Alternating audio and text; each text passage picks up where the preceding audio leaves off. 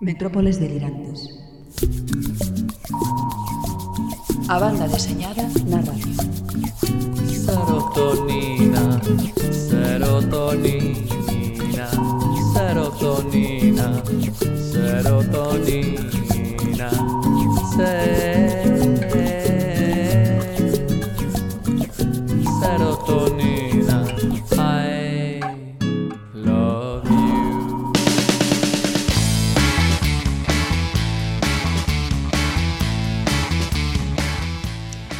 son Nieve Rodríguez e aquí comeza a cuarta emisión das Metrópoles Delirantes na radio online Campus Culturae da USC. Esta será unha emisión coa forza mítica das lendas medievais, de loita heroica contra hidras e mongers, coa carrase que provoca o desalento, pero na que teremos a axuda psicoanímica dun oso chamado Sigfrido. Que me vai a cochar Hoxe acompáñanos un autor polo que temos especial debilidade nas metrópoles, o home de moda no cómic, que xunto a Santiago García é autor dunha das novelas gráficas que máis impacto tiveron no cómic español este ano.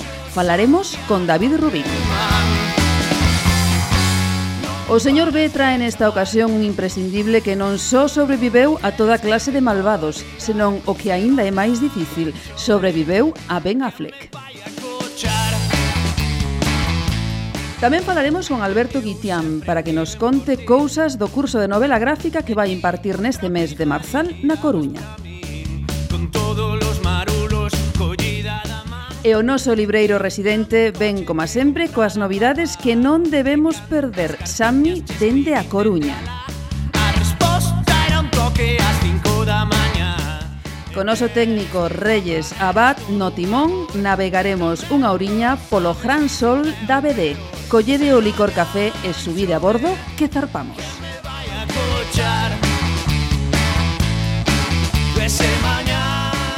E comezamos coas novas a todo Filispín da BD E comezamos con Pedro Rey Ola Pedro, que tal? Ola, moi boas Ben? Sí, sí Preparados? Listos. Listos xa. Veña, vamos ala. A Asociación Galega de Editores que anualmente convoca os Premios Ánsel Casal de Edición acaba de dar a coñecer os finalistas correspondentes a 2013. Entre eses finalistas están David Pintor, Dani Padrón, Xosé Cobas e Manel Cráneo. O acto de entrega dos premios será o vindeiro 21 de marzal no Liceo de Betanzos. Marvel, o estudio responsable de Iron Man, Thor ou Capitán América, anuncia nova película, Los Guardianes de la Galaxia. Estes personaxes apareceron por primeira vez no número 18 dos cómics de superheróis de Marvel en Xaneiro de 1969. Este novo filme é unha aventura espacial repleta de acción e está protagonizada por un cuarteto de inadaptados, Rocket, un mapache armado, Groot, un humanoide con forma de árbore, a letal e enigmática Gamora e o vengativo Drax the Destroyer. A estrea está prevista para o 14 de agosto de 2014. Por segundo ano celébrase o 15 e 16 de marzal no Espai Jove La Fontana en Barcelona Cabum, as jornadas de cómic e autoedición. Dous días cheos de charlas, talleres, exposicións e unha zona de mercadillo con acceso totalmente gratuito. Máis información en www.cabumbcn.com convócase a terceira edición do concurso de cómic Torrent Jove. Os premios que se repartirán ascenden a 2.400 euros. O prazo para presentar as obras remata o vindeiro 9 de maio. Máis información en www.torrentjove.com. E seguimos con máis eh, edicións de concursos. Xa está aberto o prazo para a presentación de obras para participar no noveno premio de banda deseñada Castelao. O prazo remata o 4 de abril. As obras presentadas poderán ser escritas e debuxadas, cada unha delas por un máximo de dous autores, un como guionista e outro como debuxante. A temática das obras será libre, podendo tratarse dunha historia única ou dun conxunto de historias. Establecese un premio único dotado de 6.500 euros. Para máis información e consulta consultalas bases en www.dicoruna.es. Temos que dicir que onde ninguén pode chegar de David Rubín que hoxe nos acompaña e que no estudio acadou ese premio no ano 2005 na súa primeira edición. E xa para rematar dúas recomendacións para os que teñan tempo e recursos. Celébrase a oitava edición do Salón do Cómic e do Manga de Valladolid os días 8 e 9 de marzo e tamén o 19º Salón Internacional do Cómic de Granada entre o 7 e o 9 de marzo.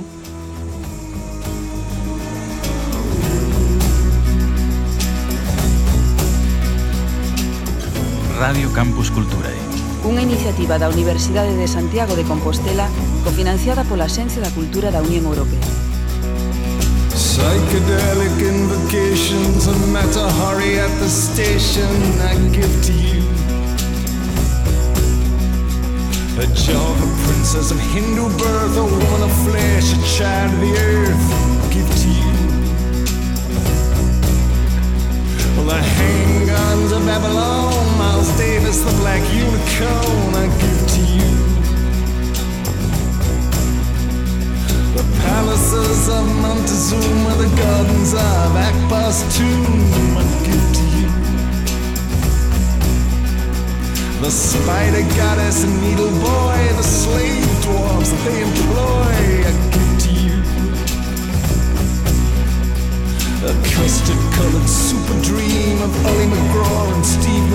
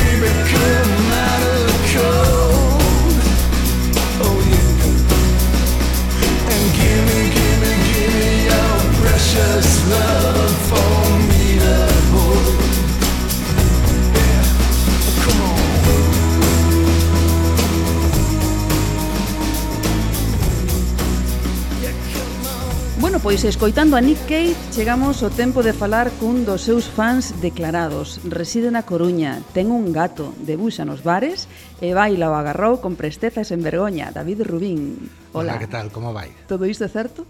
Pois pues sí, sí. eh, bailas agarrado. Home, ao mellor agarrado que, que a distancia. é certo, as distancias cortas sempre son as mellores, é o que din. David, é un placer ter eh, a un home como a ti, un artistazo nas metrópoles delirantes. Moitísimas grazas por atender a nosa chamada. A vos por convidarme. Bueno, imos a falar de todo un pouco, vale? Imos eh, establecer unhas preguntas por orde cronolóxico porque quero empezar falando das túas primeiras obras coñecidas, non? Porque tes moitísimas e se temos que dar a falar en todas non nos chega o tempo que temos estipulado para a entrevista, inda que queremos facelos en pausa. Eh, con calma.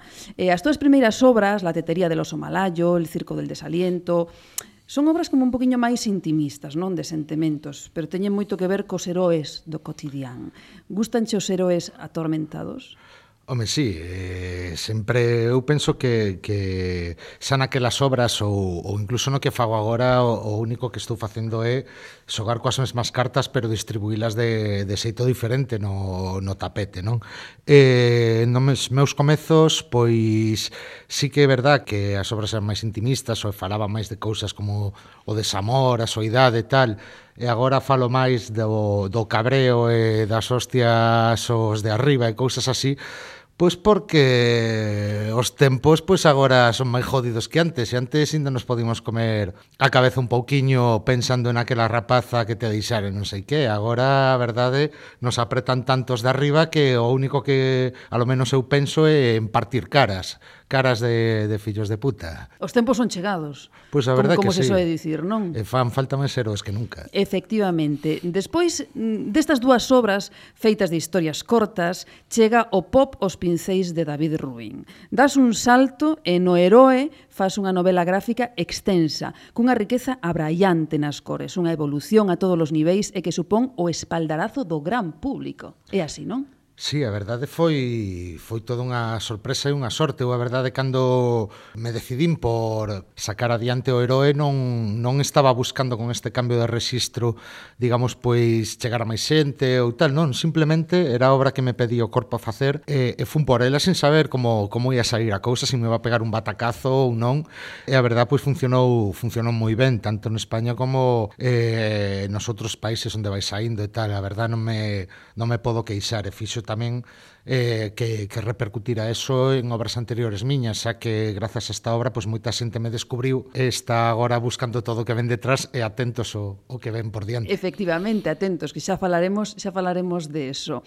Bueno, e cando andábamos a cavilar que faría David Rubín para ir máis alá, sacas ese carácter de espartano que tes e rescatas un guión de Santiago García que despois de 10 anos ia ser desbotado. Eh, despois da etapa como autor completo, como te sentiches con Santiago? Aínda que estou seguro que ti non és dos que debuxas en máis máis, non? Sí, pois a verdade sentime moi cómodo porque ademais era o que máis me pedía o corpo. Despois de estar 4 anos eh, encerrado comigo mesmo, non traballando no heroe, poder traballar con textos de outro, a verdad, é como quitar parte do camiño, non? E, e, e por outro lado tamén é sentirte acompañado nese, nesa viaxe que é sacar adiante un, un libro.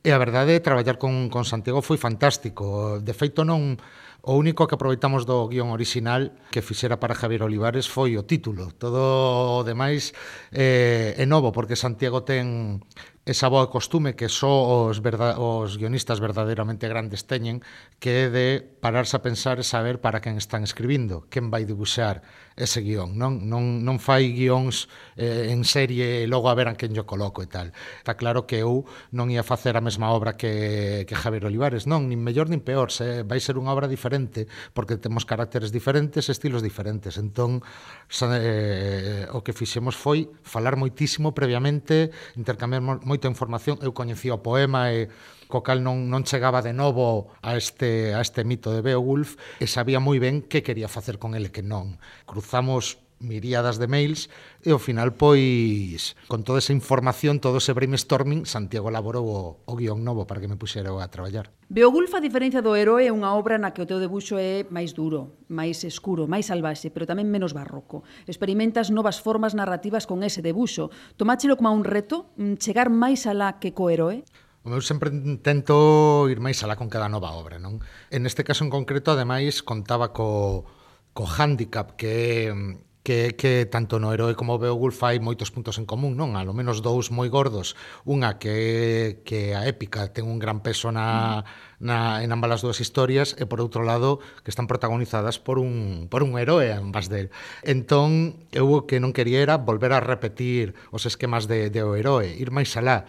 Eh, e justamente por, por estes puntos en común, non que me foi o que quizáis me, me motivou máis a buscar outro xeito de achegarme a, ao mito de Beowulf, non? Eh, tanto mediante o, o debuxo, facendo un debuxo moito máis sucio, eh, menos menos limpiño, menos pop que, que no heroe, buscando máis llevalo a, outras, a, outro, a outro tipo de referencias como tamén no tratamento, non? Por exemplo, hai un, un uso da, eh, do ritmo e da montaxe moito máis agresivo e moito máis forte en, en Beowulf que, que, que no heroe. É unha obra para coller aire. A min pasoume, eu digo por experiencia propia, eh?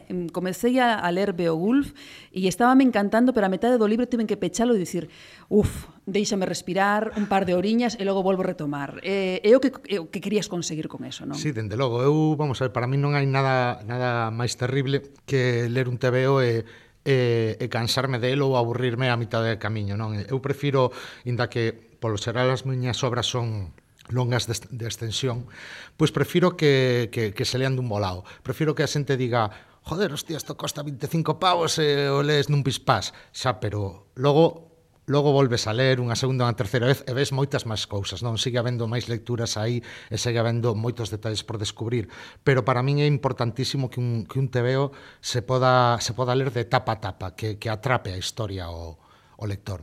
Bueno, agora unha, unha pregunta retranqueira. Eh, sorprendido polo éxito de Pública e Crítica ou como xa dixo algún iluminado era unha obra feita para triunfar? Pois pues, home, nin, Porque nin sorprendido. Porque sí, sí, sí, sí, Lino, Lino. Sí. é hostia, eh? agora hasta, hasta te critican que fagas ben as cousas. pois a verdad que é que nin sorprendido nin tampouco deixo de estalo. Alégrame moito ver ver a a resposta que, que está tendo a xente con Beowulf eh, a verdade é moi positiva tanto tanto en crítica como como a hora das ventas eh, eh, eh, non podo estar máis contento.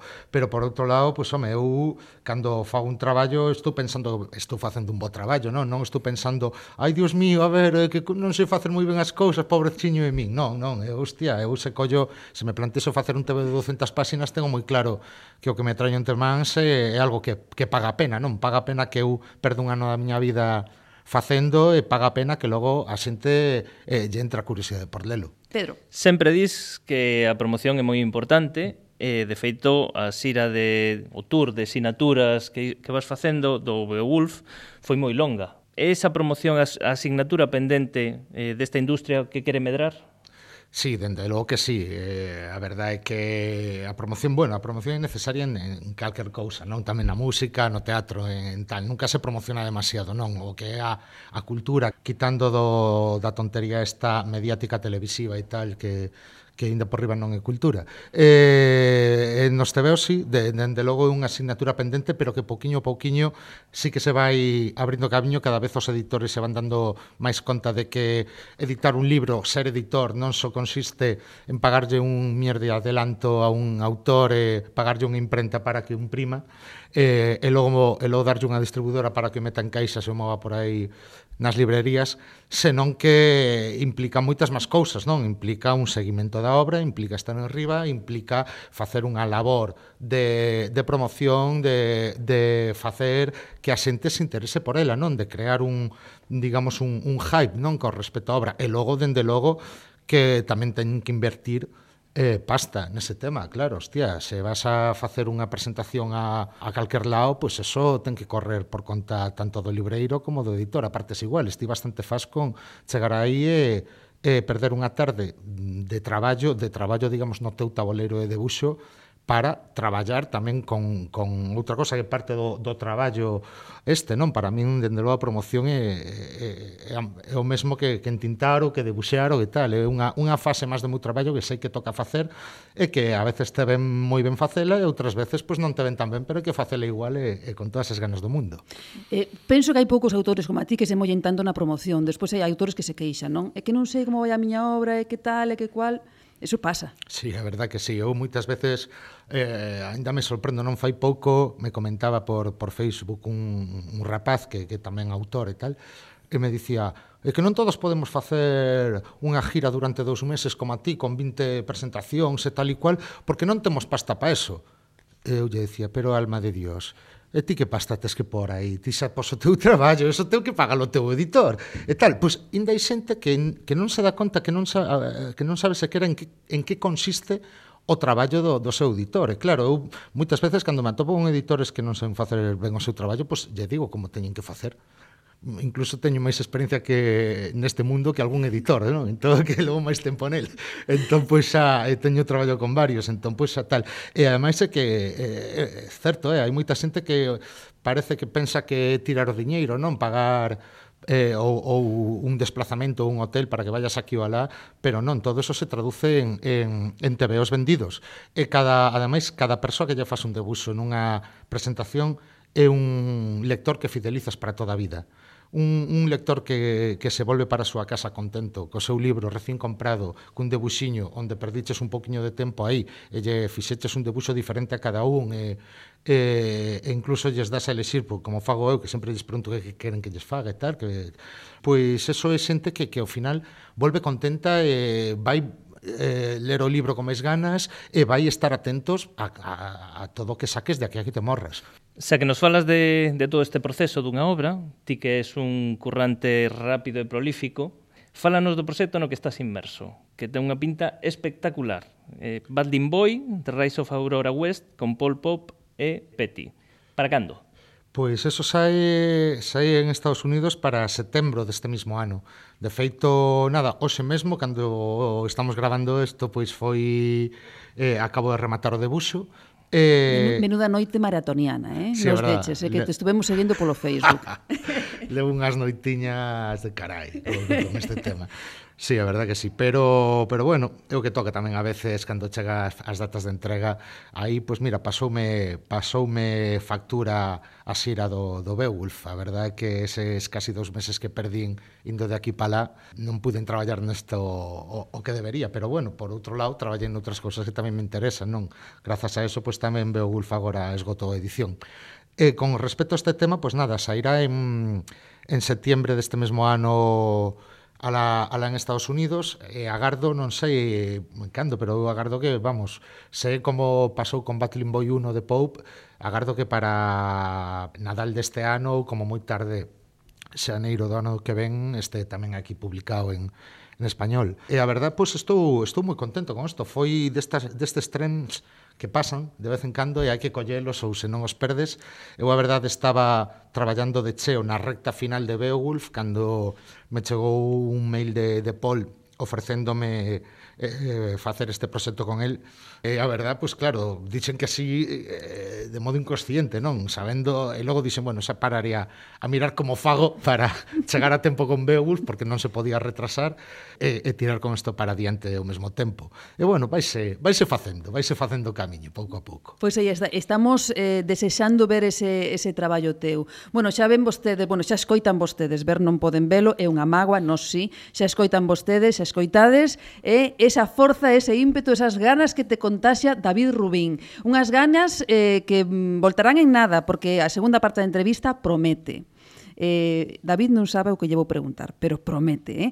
Eh, polo de agora seguimos con algo tamén que nos recomendou David Rubín. O señor B, hoxe cun imprescindible seleccionado polo noso invitado. O imprescindible de David Rubín. Are you here to confirm that Daredevil is responsible for this, detective? There is no proof that Daredevil even exists.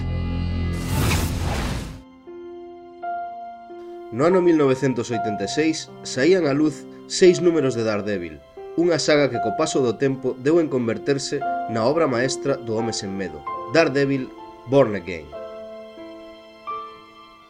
Daredevil nace da man de Stan Lee e Bill Everett no ano 1964. Ao longo dos anos foron moitos os debuxantes e guionistas que pasaron por Marvel para achegarnos as aventuras do Demo Cego, pero indudablemente a época máis gloriosa do Home sen Medo foi a que saiu da cabeciña e dos pincéis de Frank Miller.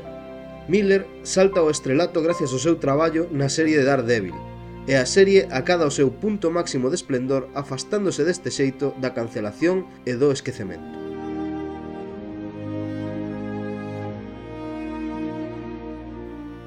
Non hai que esquecer que na época na que Miller se fai cargo de Daredevil, este languidecía a sombra do éxito de X-Men, Frank Miller, nesta primeira etapa de Daredevil, rediseña totalmente o personaxe. Comeza con forza, deixando moi claro o que quere facer. Crea a Electra, convirte a Kingpin nun supervilán total e redimensiona o personaxe de Foggy Nelson. Matt Murdock, Daredevil, é levado ao límite e Miller acentúa o carácter hipócrita da súa vida ata facer que tome decisións que van en contra da súa ética. Aquí é onde Miller deixa o home sen medo. Deixa na tesitura de colgar definitivamente o seu traxe e adicarse á abogacía. They call you the man without fear. Pasan os anos e Miller recibe a oferta de voltar á serie. Este acepta co fin de rematar aquela historia que deixara pendente no número 191, titulado Ruleta. De feito, este será o seu punto de partida, ignorando totalmente os números intermedios. Estamos a piques de ser testemunhas da paixón e morte de Daredevil e da resurrección de Matt Murdock the blind lawyer from Hell's Kitchen.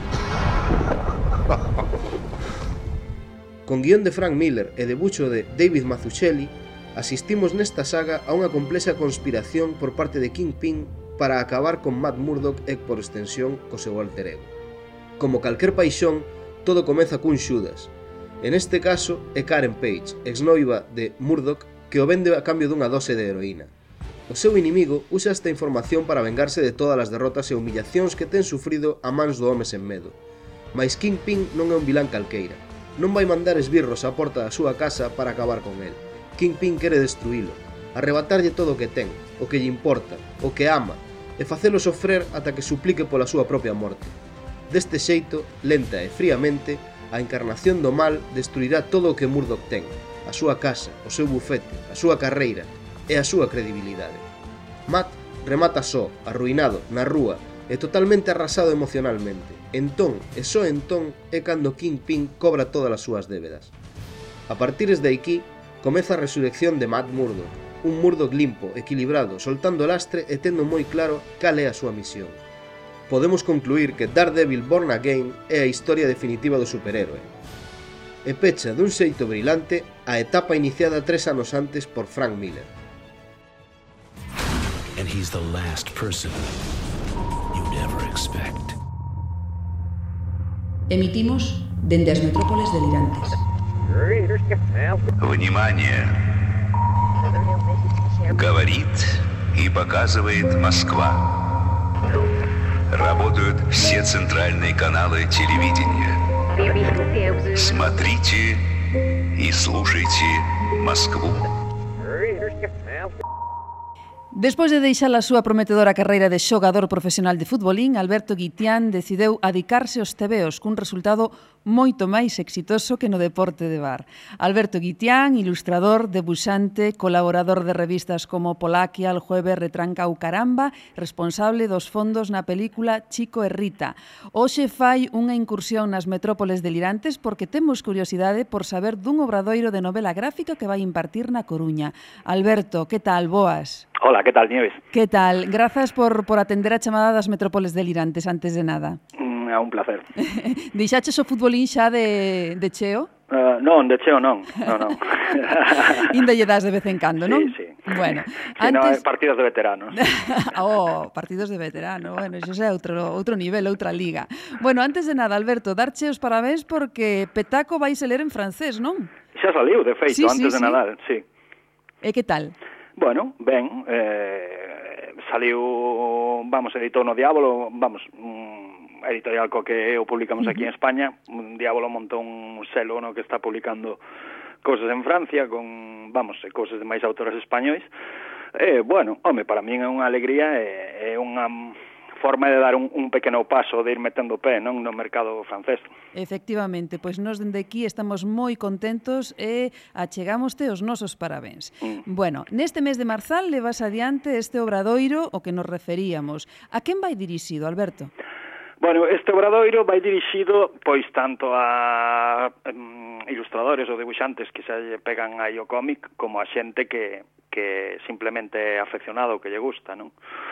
ou tamén para xente que, que bueno, que vende outros medios, igual da literatura ou do, do xornalismo ou do audiovisual, pero que, que lle pode interesar outra maneira de, de, de contar historias.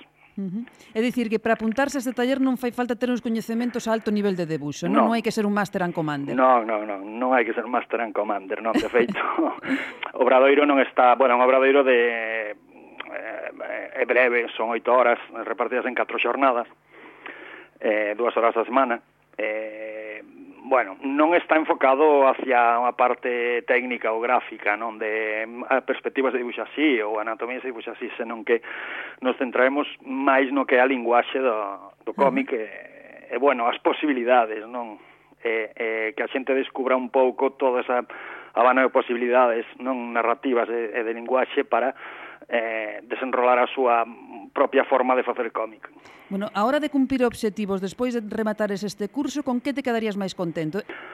Bueno, eh, o obxectivo é sinxelo, ao fin e ao cabo, que a xente que, que ven, pois que que aprenda cousas, que teña que, que lle guste un pouco máis o, o mundo do, do, da banda deseñada, da novela gráfica, é un pouco pues encender un pouco a chispa, vamos, para que eles fagan as súas cousas, non?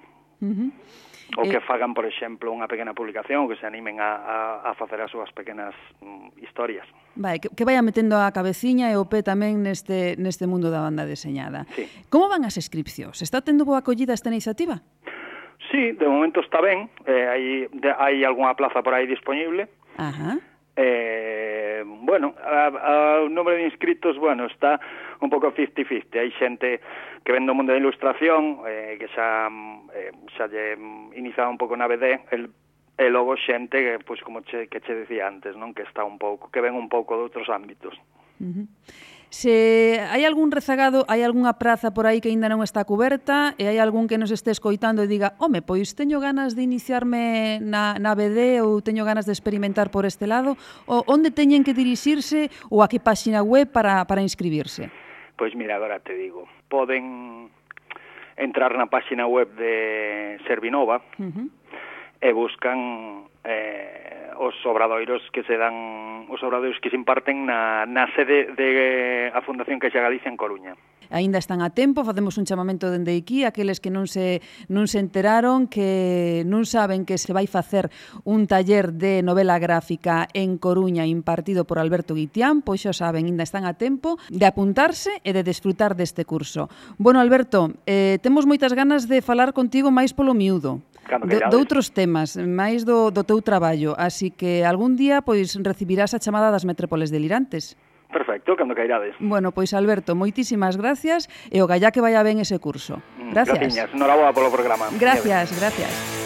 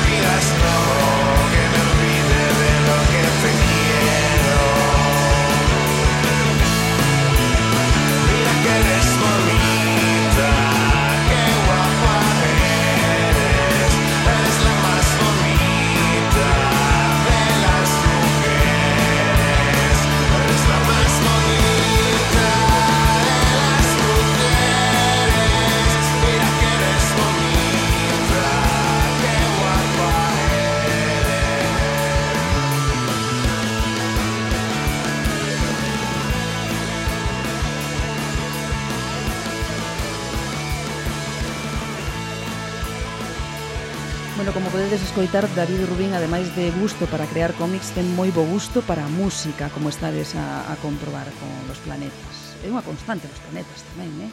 Eu teño escoitado entrevistas que sempre con esa Sí, teño coincidido, a verdad, nunca me pediron nunha entrevista como, como nesta ocasión que elixira a música, pero, por exemplo, foi pouquiño me estaban entrevistando para, para unha cadena e, e tamén, xusto antes de entrar eu, meteron, meteron tamén alegrías do, del incendio, no? Para min é unha, unha das cancións que máis me gustan, así que, bueno, encantado de, de repetir.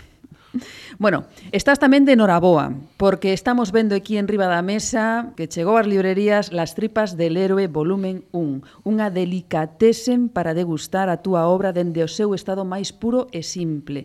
Que nos ofreces nesta ocasión con esta versión do héroe?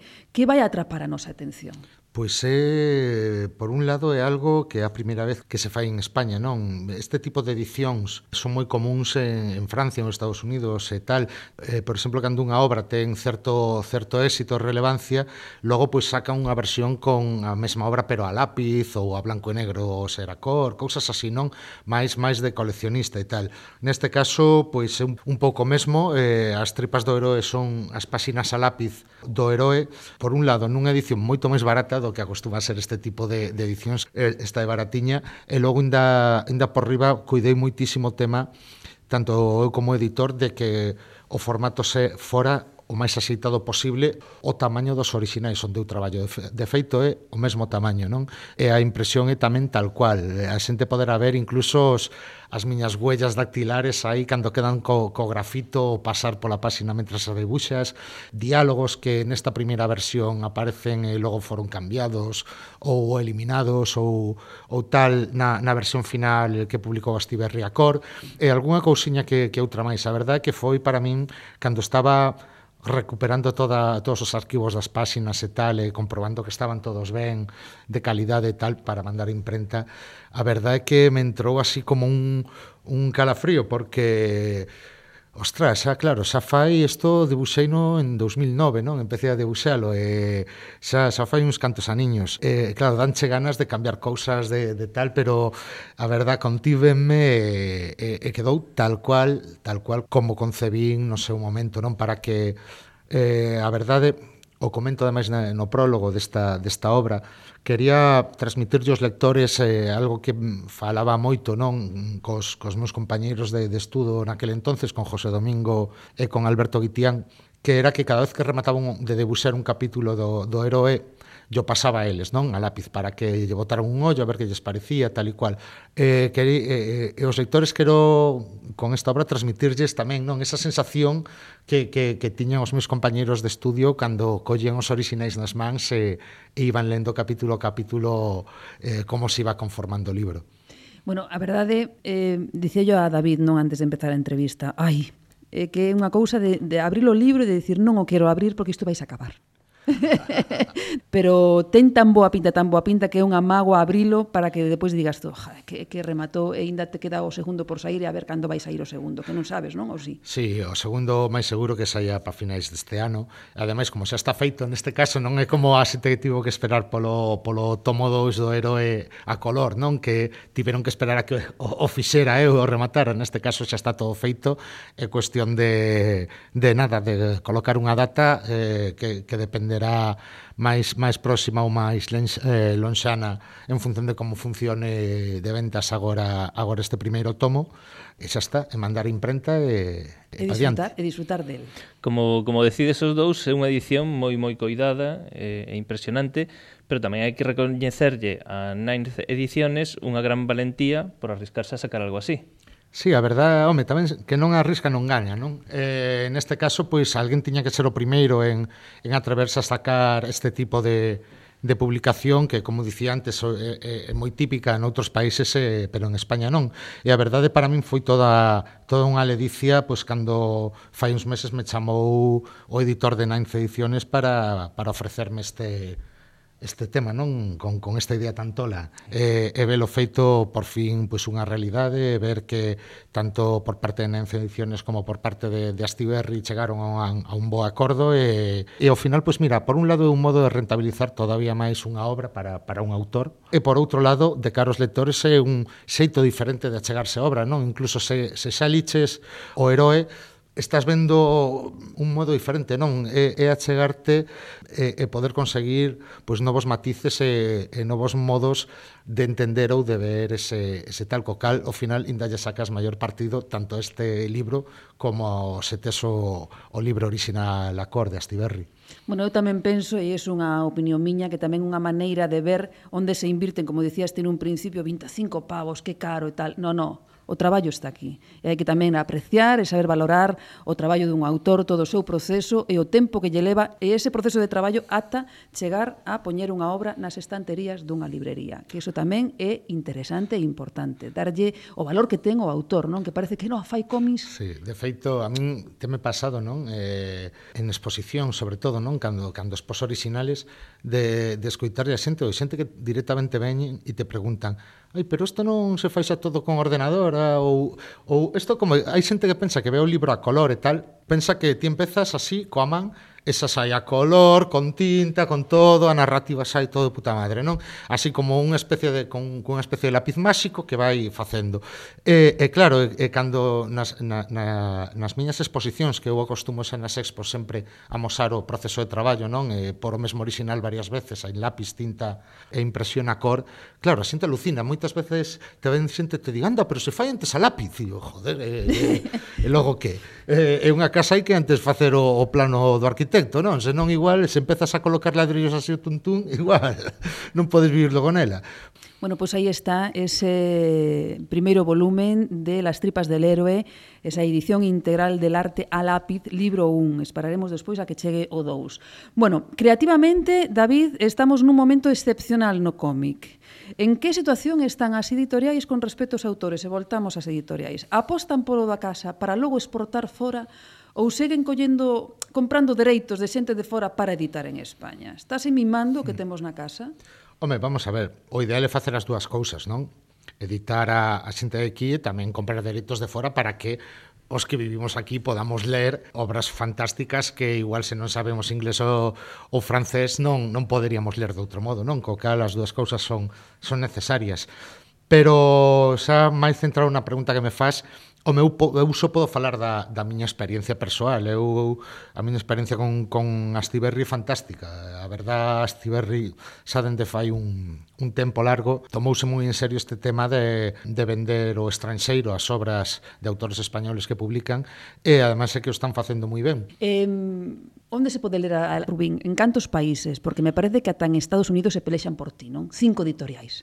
Sí, co, co Beowulf, sí, a verdade. Bueno, a ver, a ver agora como termina a cousa, non? Unha cousa é, é o interés, non? De que foi este ano pois, moi ben en, en Angulem e, e saíron de aí moi bons resultados, pero que son resultados que agora teñen que, que transformarse en, en realidades, non? E, e ver pois quen fai a mellor oferta ou, ou que condiciones poñen e ao final pois xa decidiremos Santiago Maiseu con cal nos interesa máis ir. Polo momento, neste momento estamos todavía de cara a Estados Unidos con Beowulf en nesa fase de, de toma e daca, non? De a ver a ver quen, quen, quen fai a mellor oferta. E logo, pois, por, por, co resto de obras, pois, eh, a ver que me lembre, eh, o heroe vai sair tamén ou a, a finais deste ano ou comezos do ano que ven en, en Estados Unidos, editado por Dark Horse, está publicado en Francia tamén, está en Italia tamén, e logo pois outras obras miñas, a Tetereo Somalayo está tamén en Francia, en Italia,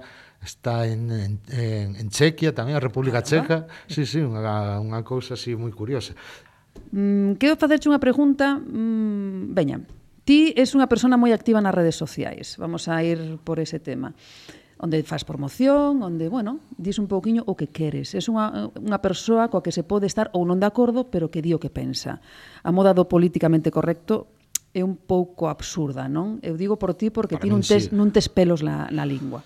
Non, porque que ademais é que penso que, joder, vivimos agora mesmo nunha parece que vivimos nunha sociedade burbulla, non? Onde mm. onde todo ten que ser de pitiminí, todo ten que non se pode dicir unha cousa máis máis alta que outra, non se pode opinar de nada, non vai a ser, non? Eh, a verdad, pois eu estou xa un pouco farto de de tanta tontería, de tanto rollo políticamente correcto e de tanta, sobre todo, hipocresía, non? Porque logo, ademais, pois, ves a a xente que, digamos, de cara a galería, non? Eh, en medios e redes sociales está todo o día, ai, que maravilla todo, que tal e cual, e logo por detrás cando non, digamos, cando xa non parece que non hai ninguén escoitando, son os que máis sapos e culebras botan pola boca, non? Eu, pois, eh, dende sempre fun así, dende cativo, esas cousas que me gustan o digo e me emocionan, e, e as cousas que non me gustan, pois tamén me cabrean e, e o digo tamén, non, e non sei que, que problema debera, debería haber aí. Cal é a túa obra gráfica do ano? Pois mira, hai, hai varias cousiñas así que me, que me gustaron este, este ano, pese a que, sobre todo, que máis que leín foron relecturas, non? De, ou, ou, ou ben de teos que xa tiña ou, ou ben de, de material que se está reeditando. Pois mira, gustoume moito Los surcos do azar de, de Paco Roca, todo o de Paco como mo leo sempre, non? Porque me, me interesa moito o seu traballo e, e además somos colegas de dende fai moitos anos. E, e a verdad, con esta obra, pois sorprendeume. Eu, de feito, non tiña, teño que confesalo, a priori, pois moito interés por, eh, por ela, non? Dicía, joder, aí la guerra civil outra vez, tal, e ya, ya esto, estabas a pensando, non sei, en peli de García, algo así, pero bueno, como, como é Paco, pois pues aquí sempre se unha oportunidade, a verdad, sorprendeume moi gratamente. E logo por dicir outro título que é tamén un cómic deste ano, tamén español, que me deixou verdadeiramente alucinado, é, é un dos tebeos máis intelixentes, mellor escritos e mellor debuxados que, que lín en moitísimos anos, pero falando xa a nivel internacional, chamase Pochland, eh, é de Marcos Prior e de, e de Danide, eh, sacou no norma editorial pois, pouquiño despois de en decembro, vamos, a comezos de decembro. E, e, e bueno, para min é, é un golpetazo na cara tremendo, me, me parece, vamos, un dos, dos tebeos máis osados, arriesgados e fermosos que se editaron no, no pasado ano. Pois escoitan vostedes que David Rubín eh, tamén fala ben, eh, tamén recomenda cousas da profesión. David, ti veste con 60 anos debuxando? Home, espero que sí, porque poucas cousas máis sei facer, ben. Así que agardo que a miña carreira siga e neso, neso estamos, non? En, en ir afenzando chanzos con, con cada novo traballo para continuar, xa que ademais o ser autónomo e España ter un, un sistema tan maravilloso de autónomos, pois non teño dereito a nada, eh, nin sequera... Non tes dereito a parar. Non, eh, sei que vou morrer co, arriba do taboleiro con un poquinho de sorte, de feito, ojalá morra así, pero non por un tema romántico, non, se, nin nada deso, non, senón porque querrá decir que, que seguirei tendo traballo, non, cando, cando se xa maior cousa que agora mesmo pois está a cousa que non se sabe moi ben que, que vai pasar en, en xeral, non? Pois eh, o que si sí vamos a facer é dicirlle a Deus a David Rubín porque mm, marcha correndo que ten sesión de firmas, de sinaturas de este El Héroe, eh, edición integral del Arte a Lápiz.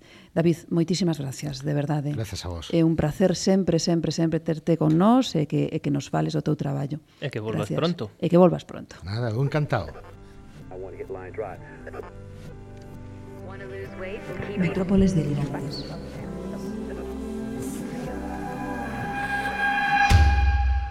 Dende a Rúa do Orzán, do epicentro da Vede Galega, que a Coruña, chega Sami de Alita Comis, que xa está preparado para recomendarnos algúns libros. Ola, Sami, que tal? Moi boas. Como foron estos 15 días, ben? Moi ben, moi Re ben. Recibironse moitas novidades na librería? Eh, hombre, isto o que comentamos moitas veces, que a librería sempre é Navidad, sempre recibimos cousas. Oye, poidelo paje, eh? tamén sí, sí, sí. é que a xente vai a comprar. Bueno, e que nos pode recomendar esta semana para chegarnos a calquera das librerías que hai en Galicia e sobre todo na Coruña, na Rúa Orzán e tamén en Ronda de Nella? Eh, normalmente moitas veces se fan eh, videoxogos basados en, en, en novelas ou, sí. ou en cómics que son famosos. En este caso, pois, pues, temos unha obra que o, o profesor Layton en sus divertidos misterios que é un, inspirado no, nun videoxogo moi mítico eh, de, de Nintendo que, bueno, para sacar eses pequenos eh, misterios ese pequeno río detectivesco e que é unha obra bastante coñecida que tamén recomendamos moito que hai moita xente que, se, que utilice e que xogue que sepan que hai esta adaptación para pa o tema da, en manga e que son catro volúmenes e que é esta última obra E pois por outra banda, de, que quen de, de, de rapaz non veu a Guerreira Lúa, a Sailor Moon. Ah, sí, efectivamente, efectivamente. Tamén temos aí en libro, non? Efectivamente, pois temos o que o, o número 8 de Sailor Moon, unha edición que está sacando norma super chula. E esas rapaciñas eh, sempre eh, con ese síndrome de Peter Pan que, que non queren medrar, pois ah, poden seguir disfrutando.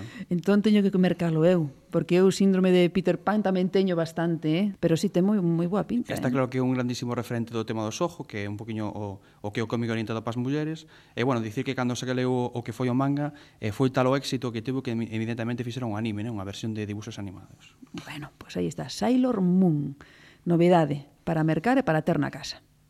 Depois, por outra banda, queremos eh, salientar, bueno, que hai bastantes obras a nivel de un pouco intimistas, no? historias costumbristas o que están saindo últimamente. Eh, bueno, isto calderíamos o de Paule e los Escolus, que mm, publica Stiberri, e no cal eh, o propio autor nos comenta un poquinho que é a súa infancia, non? Esa, tema, esa época eh, que vivimos todos de adolescencia, nese momento que descubres cousas novas, é bastante autobiográfica e, e bueno, nos vemos bastante reflexados nela. Eu que che vai decir, non? Que nesta, nestas edades da adolescencia ciencia, como decía Steven, que imos descubrindo pouco a pouco cousas novas, cousas impresionantes e que non sabías que existían, pois esta novela en blanco e negro de Michael Rabagliati, Paul en los Scouts, pois seguramente que é unha boa guía para polo menos voltar a lembrar aquelas épocas e aqueles momentos de descubrimento tan importantes para nós nunha idade tan difícil como é a adolescencia. É pois aí ten, claro. sí, señor, é maravillosa. Moito sufres na adolescencia, eh? Sami. Eu polo menos lembro como unha tortura constante o, o da adolescencia. Pásache un montón de cousas que ao final ca, cando botas a vista atrás diste que chorrada, pero que na, naquel momento eh, O que está claro que vos pasa máis as mulleres cos homes, porque Por vos, qué? porque vos levades unha marcha máis que nós. No, a mesma idade, dices? sí, me refiro que que eu, pois pues non sei, cando as tipas pretendían ligar con nós, nós estábamos xogando balón todavía. O rollo de en plan de que os tipos somos moi parvos, o sea que aproveitade Las chicas somos guerreras. Sí, por suposto. Por suposto. vale. Por suposto que van con unha marcha máis, eso está clarísimo. Bueno, eh, recomendamos Polo en los Scouts de Michael Rabagliati. E bueno, tamén o tema de, de que a xente se vaya por aí de, da acampada que é moi interesante, sempre se descubre ah, cousas novas. Ah, amigo, aí non, non ibades cunha marcha menos, eh? Cando ibades da acampada. Aí picábamos marcha, máis ben, bueno, para, para coller forza. Bueno, deixámolo aí. Con que seguimos? Bueno, seguimos con outra obra publicada por, por Norma Editorial, eh, Magazine General, eh, o volumen 8, que se chama As Mulleres. Eh, encontramos cunha especie de traxicomedia eh, que nos, nos sitúa na provincia de Quebec e eh, trasladándonos aos anos 20 do século pasado. Eh, desta obra, pois, pues, gustoume moito o tema da, dos primeiros planos que utiliza o, o, o debuxo que, e a verdad pois que é bastante peculiar, atopámonos con unha das protagonistas que están nas primeiras páxinas pois, por sorpresa esa topa embarazada, e despois todos ir ao redor de que todo o pueblo pois está como medio eh, alucinado porque o cura non quere dar misa. Non sei, dentro da súa das súas cousas eh, cotidianas, pois queren ir á misa e, pois nada, que o cura pois, parece que non está por a labor. E o que distí comeza moi forte, non? Cunha primeira viñeta dunha muller dicindo embarazada e aí o deixamos. Así que se queren descubrir que pasa con esta muller, que pasa con ese cura que non quere dar misa, teñen que eh, facerse cun exemplar de Magazín General de Loisel e Trip. Tis de francés, é que vengo o dixeches. Oh, sí, a miña época é esa. Eu inglés, amigo meu, vou aprendendo un pouco agora que estou vendo as películas subtituladas, Isto pero... como, como zapatero, non? É que eu, meu xa veño dunha época moi atrás, eh? é que, fíxate ti, eh? eu son de francés. Cando o francés era a primeira lingua que tiñas que escoller de, de estranxeiro, que non era o inglés. Dete moito máis glamour, dete moito máis glamour. Bueno, onde vai parar, meu? Eh? eh francés, François. Bueno, Adiante. Pues, tirando un poquinho de clásicos, e imos, face, imos a tirar de Don Quijote, unha actuación libre de, da obra de Cervantes Saavedra, eh, Doutor Flix, No que nos atopamos que, que un vello vai a tocar eh, muiños eólicos. pois sí que é unha volta que lle dan a, a obra de Cervantes, sí señor, o Don Quijote. De feito, a obra que se eh, que pretende facer a instalación de destes, destes moliños, pois é, é de, el viento la mancha, o sea, que máis guiñazo imposible. Efectivamente, esa gran empresa que quere eh, poñer eses eólicos e que Don Quijote dice de eso nada. Na parte, me parece unha obra moi, moi simpática porque o Sancho Panza que acompaña eh, non deixa de ser o neto, que vai todo todo friki con unha camiseta de Batman, e o cal lle chama Robin, pero o rapaz el a sí mesmo vese como Batman, o sea que é un rollo bastante un intríngulo bastante curioso. Mm, curioso, sí señor, que o Sancho Panza se crea Ro Robin, Batman, Batman, Robin, bueno, deixámolo aí para que a xente o, o, o poida adquirir. Depois outra, outra curiosidade desta obra e que me gustou moito foi que na primeira páxina eh, ven unha copia dunha, dunha carta que escribiu un paisano a, a cartas de director de a un xornal eh, no cal pois, insistía bastante en, en reiteradas cartas como un periódico con, pois eso, con todo formalismo, todo serio que pode ser, como incluía no seu suplemento eh, semanal de cultural pois, eh, unha, viñetas de cómic. En, sí, sí, sí. Eh, vos recomendo que se vos coincide pasar pola librería que, que botades un ollo porque me pareceu bastante curioso, non? Pois é un poquinho dicindo que, que os comis son o mal. Entonces con, con un sorrán non podía ter. Por favor. Sí, sí, sí. É, é algo é algo moi curioso. Bueno, pois aí está Don Quijote de Flix, esta adaptación libre da novela de Miguel de Cervantes Saavedra. Para todos aqueles que tiveron que ler obrigadamente Don Quijote, que parece que cando un ten que ler unha obra así, por narices, pois parece que non acolles ben, que non acolles con cariño, que non acolles con gusto, aí teñen Don Quijote de Flix. Dándolle unha voltiña ao tema eólico. Efectivamente. e, bueno, que máis? Ahora nos imos a Dieter Lumper, que é unha obra íntegra que acaba de publicar Steve Berry, é que é unha obra que se publicou fai moitos anos no Cairo e que, bueno, é un clasicazo. Uh -huh. Dieter Lumpen. Publicouse ata, ata 94 e foron recopilados en, en cinco diferentes volumes. Eh, non deixa de ser a típica historia de, de aventuras, de tipo osado, un poquinho de Jones aí moderno, Uh -huh. E que, bueno, realmente pois, moitos de, que, que na época os limos se, se cadran en, en cadros soltos eh, e pues poder, aquí. e ter aquí recopilado por a verdade que é todo, todo luxo. Non, non, e a verdade que o debuxo, a cor, non sei a historia como será porque eu non lin, así que a ver a que te lo demán, e ademais está moi ben encuadernado, eh? Está sí, sí, unha, nunha edición moi bonita e moi moi ben traballada e, e moi ben cuidada. Dieter Lumpen, editado por Asti Berry de Jorge Zettner e de Rubén Pellejero. E pois nos vamos un poquinho americano. Destacar unha obra que é o primeiro volume que se, se publica que é Shadowman, número 1, eh, Ritos de Iniciación eh, no cal el que descubre que os seus progenitores estiveron acusados dunha serie de crímenes que deciden, eh, deciden desfacerse de todas as súas pertenzas, eh, incluso dun amuleto, o cal a súa nai lle deu e eh, lle dixo que nunca se desfixerá del, non? O facelo eh, desperta eh, un legado de familia, o sado humano. Caramba. Sí, sí, sí. Eso tamén é aventura pura e dura, eh? e misterio. O cal ten un poder que lle otorga a habilidade de desplazarse no limbo. Que se desplaza no limbo. Sí, sí, bueno, lim no limbo Sí, sí, sí, sí, no, pero está interesante, está está curioso, o por lo menos das, das almas atrapadas Caramba, despois da morte. Miña nai, pero eso que eh, aventura, eh, thriller, eh, misterio, eh, de medo, espiritismo. Eh, espiritismo, bueno, é unha mezcla de todo, non? Entón. Totalmente. Shadowman, aí está, sí, ritos de iniciación de Panini. Eh, pois, bueno, comentar un poquinho, eh, tuvimos a sorte de conseguir uns cantos exemplares de, da recente gañadora de, da espiga de ouro de, de Angulén, que é a Come Prima, de Edicións de Locort, eh, nos, é unha historia que está emplazada nos, nos principios 60 eh, que tras a morte de, de, de, dos seus pais eh, dous irmáns que fan un viaxe marcado polos conflitos, silencios, e recordos e reencontros non? unha viaxe que os conducirá ata a súa Italia natal. Caramba, que bonito, unha viaxe, unha, como unha road movie, non, unha, un road comic.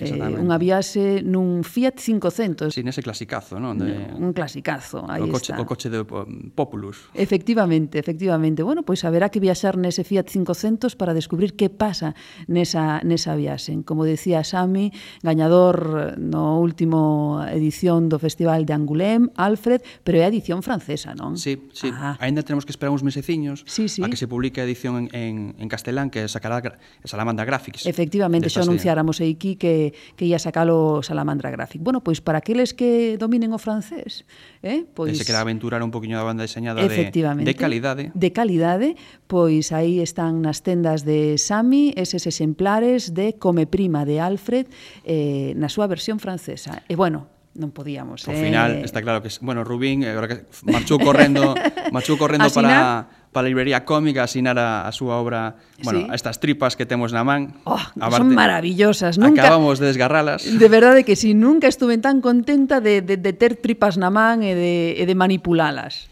Eso que non fuches a aldea aí a, a matar. Como que non? Pero ti que vas? Pero Por mira, eso. non temos tempo. É que me sentía, me sentía ofendido. No, no, non, non temos tempo para falar de eso, pero moitas matanzas eh, na miña casa, meu Deus querido. Por suposto. Bueno, pois pues, comentar que, bueno, se está firmando aquí en Santiago, pero para a próxima semana, o próximo Benres, terémolo firmando na, na Anita Comes en na calle Dorzán. Bueno, pois pues tamén aí... o Benres, o sea, que está atentos ao tema do Facebook, que iremos informando. Efectivamente, pois vai a estar tamén David Rubín en Alita Comics na Coruña, tamén asinando este pedazo de exemplar exemplar que non cansamos de repetilo, esa edición integral del Arte a Lápiz, libro 1, de las tripas de El Héroe.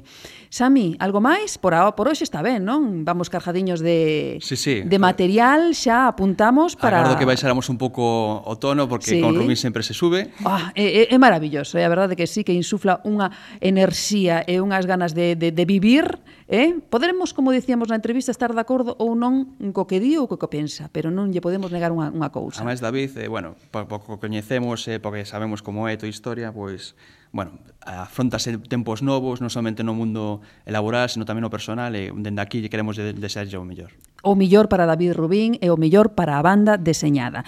Nos, polo de agora, botamos o risón. Chegamos ao final desta viaxe delirante, no que tomamos un licor café co espartano David Rubín, botamos un futbolín con Alberto Guitián e aínda botamos unha parola de libros con Sami. Enviádenos opinións, mensaxes ou que queirades, podedes facelo a través do noso Facebook Metrópoles Delirantes ou do Twitter arroba metrópoles D.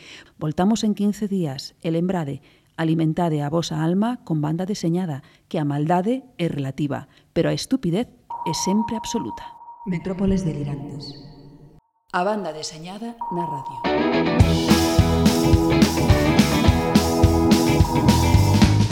Puede que no sea